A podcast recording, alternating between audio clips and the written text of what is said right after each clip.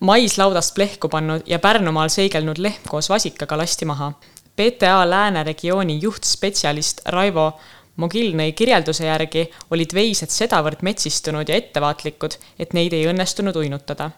spetsialist väitis, et loomapidaja otsustas abitusse seisundisse sattunud loomad hukata, kuna muul viisil ei olnud võimalik vältida ohtu loomade elule ja tervisele Pärnu aerutamisklubi endised ja praegused sportlased naasid Eesti meistrivõistlustelt kolmeteistkümne kullaga. Nende seas teenis kanuuaerutaja Joosep Karlsson eridistantsidel viis kulda. nii on kahekümne kaheksa aastane mõlamees nüüd kodustel esivõistlustel võitnud seitsekümmend neli kuldmedalit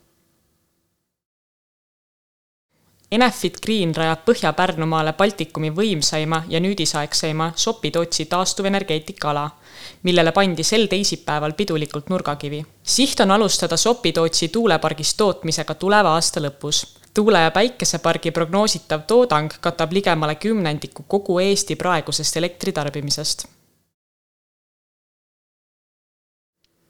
kolmapäeval esietendus Liidia Koidula saja kaheksakümnendat sünniaastat tähistav lavastus Koidulahing. seda Gerda Kordemetsa kirjutatud ja lavale toodud näidendit tuli esimesel esituskorral kaema ka Eesti Vabariigi president Alar Karis koos abikaasa Sirje Karisega. tükki mängitakse kuni kahekümne kuuenda augustini Pärnus Koidula muuseumi aias juuni viimastel päevadel alanud Pärnu kolmanda autosilla ehituse ettevalmistustööd hakkavad jõudma lõpusirgele ja augusti teises pooles algab silla enda ehitus. ehitaja sõnutsi ollakse töödega graafikus. eesmärk on alustada augusti teises pooles sillavaiede puurimisega. seoses ringristmike ehitusega suletakse lähinädalal Lai ja Rääma tänav. muutustest autoliikluses annab ehitusfirma aegsasti teada Häädemiste vallast Reimanni külas jäi kadunuks üheksakümne ühe aastane Eleonora.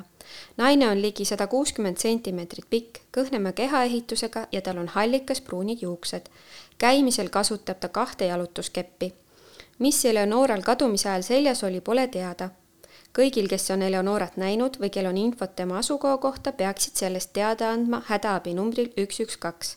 lähedastel oli temaga viimane kontakt möödunud pühapäeval uudistenädala võtsid kokku ajakirjanikud Elisa Beljaev ja Siiri Erala